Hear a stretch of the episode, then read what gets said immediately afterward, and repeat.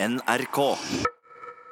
Så har Kulturnytt eh, kommet i studio, Annie Jetlund Hansen. Et samlet Arkitekt-Norge vil nå ha en grundig gjennomgang av eh, konkurransen om utformingen av det nye regjeringskvartalet. Ja, for flere har altså hatt innvendinger mot konkurransen, med påstander om at vinnerlaget skal ha fått fordeler, og at jurymedlemmer skal ha vært inhabile. Norske arkitekters landsforbund håper at saken blir undersøkt grundig. Ja, Vi mener at det er viktig at uh, dette her blir belyst, uh, slik at den mistilliten som hviler over saken, kan uh, falle bort. Det sier Camilla Moneta, fagsjef i Norske arkitekters landsforbund. Også arkitektbedriftene i Norge er enig. De organiserer 90 av arkitektbedriftene i Norge.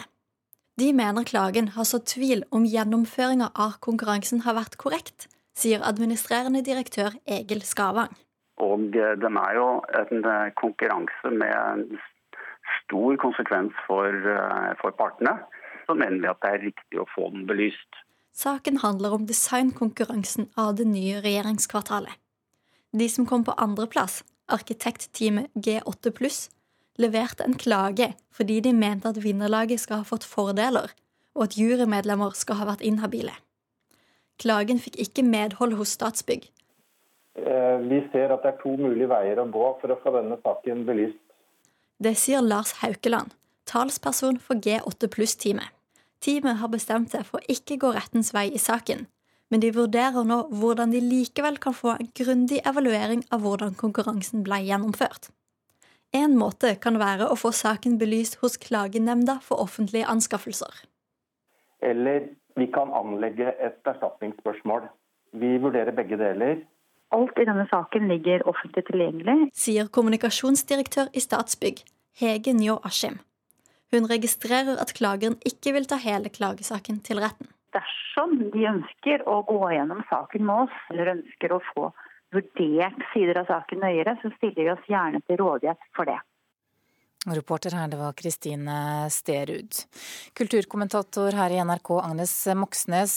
Nå ligger det altså ikke an til noen rettssak, men det kommer altså krav om en grundig gjennomgang. Hva skal til for at den tvilen som er sådd her, skal bli ryddet av veien? Det er nok en god tanke å tenke videre på, nemlig denne grundige gjennomgangen. Vi må huske her at Statsbygg er jo statens egen byggherre. I statsbudsjettet for 2018 så foreslås det at de får 6,8 milliarder kroner til planlegging og bygging rundt omkring i Norge. Metoden deres er jo konkurranser. Eh, hvert år så avholder Statsbygg eh, bortimot 300 anbudskonkurranser av forskjellige slag. Eh, nå har det altså spredt seg en tvil om måten Statsbygg gjør den jobben på, og det sier seg selv at det ikke er heldig verken for Statsbygg eller de som jobber med det. Og så er det vel også en fordel for de som vant, da, nemlig Team Urbis, at noen som ikke er part i saken, slår fast om prosessen har gått etter boka? Ja, det vil jeg tro. Og så tror jeg bransjen egentlig forventer at, at Statsbygg skal være et forbilde i en byggebransje som ikke alltid har et like godt rykte på seg. Hva er sannsynligheten for at det kommer et erstatningssøksmål her, da? Sannsynligheten er til stede, for da dreier det seg jo om eh, penger. Eh, det er det med konkurranser at de, altså sånne konkurranser at de på sett og vis er med på å subsidiere oppdragsgiveren, i dette tilfellet staten. I konkurransen om regjeringskvartalet så fikk arkitektene dekket ca. 20% av utgiftene sine. Og det er klart at det svir liksom ekstra når ordet begynner å spre seg om at denne konkurransen kanskje ikke var helt etter boka. Eh, og hvis det skjer, så altså hvis Statsbygg får eh, erstatningssøksmål mot seg, så kan det komme opp i 40-50 millioner kroners klassen. Agnes Moxnes, du blir med oss litt videre, for angrepene 22.07.2011 har ført til flere betente konflikter. En av dem er den årelange striden om det nasjonale minnestedet. Saken som gjelder det planlagte minnestedet på Sørbråten er nå avsluttet i rettsapparatet. Det endte med at naboene i Utstranda Vel, som saksøkte staten for å stanse oppføringen av minnesmerket, får dekket sine advokatutgifter på 600 000 kroner. Advokat Harald Stabel har jobbet med saken i tre og et halvt år, de siste to årene også med en medhjelper fra advokatkontoret. Det blir mange timer i en sak som dette, ikke minst hvor det er så mye oppmerksomhet, offentlig oppmerksomhet rundt. Det blir ikke tatt så mye som et spadetak for å bygge kunstverket til den svenske kunstneren Jonas Dahlberg på Sørbråten i Buskerud. Naboene gikk til sak og påsto at det planlagte kunstverket var ulovlig etter naboloven.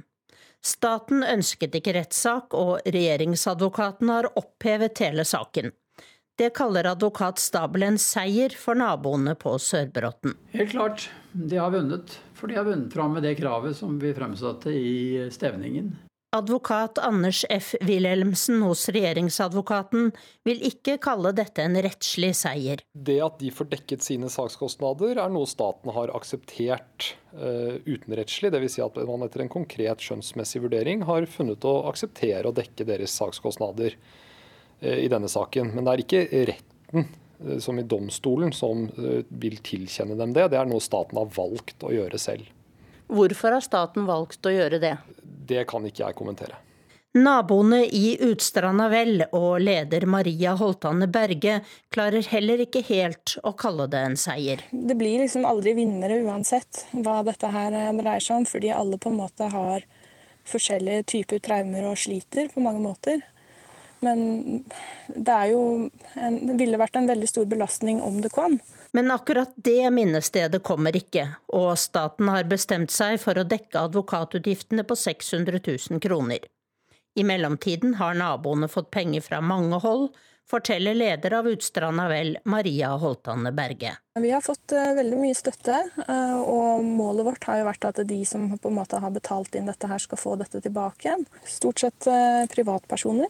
Noen har eh, gitt lite bidrag ut ifra det lille de har, mens andre har gitt mye, kanskje selv om de ikke har så mye. Og noen har også sagt at de ønsker at det skal gå til andre ting for de som faktisk reddet livene til mennesker 22.07.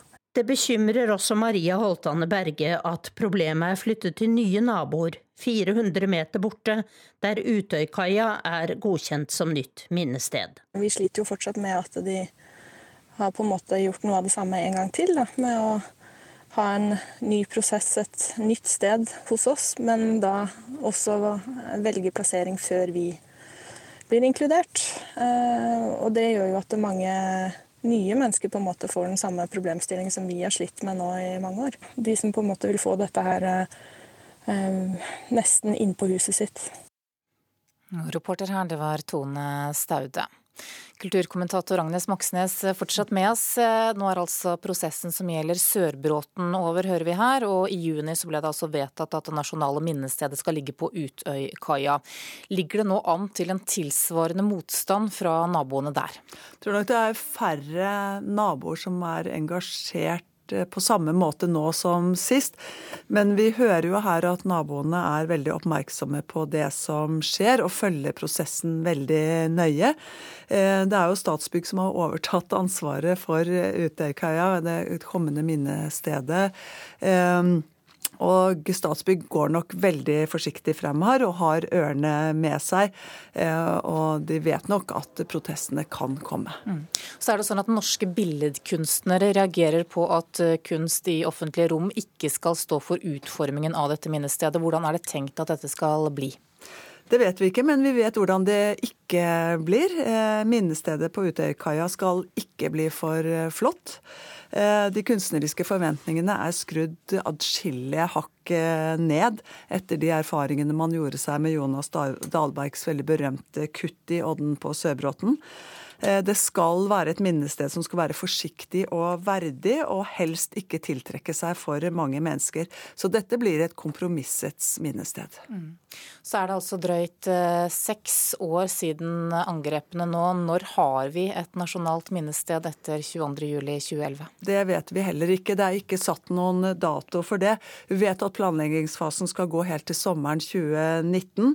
Ehm, og så er det jo slik da at eh, i 2021 så er det ti år siden massakren på Utøya, så det kan jo være at man sikter seg inn mot det. Takk skal du ha, kulturkommentator Agnes Moxnes.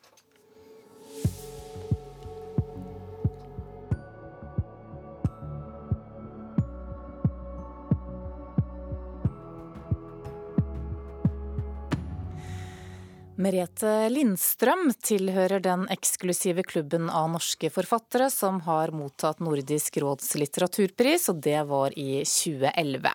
For et par år siden kom boka fra vinterarkivene, der hun gikk svært tett på livet, både sitt eget og nære familiemedlemmers. Og dette er jo en sone som vi vet skaper debatt, og det skjedde også her. Og nå er Lindstrøm tilbake med romanen Nord.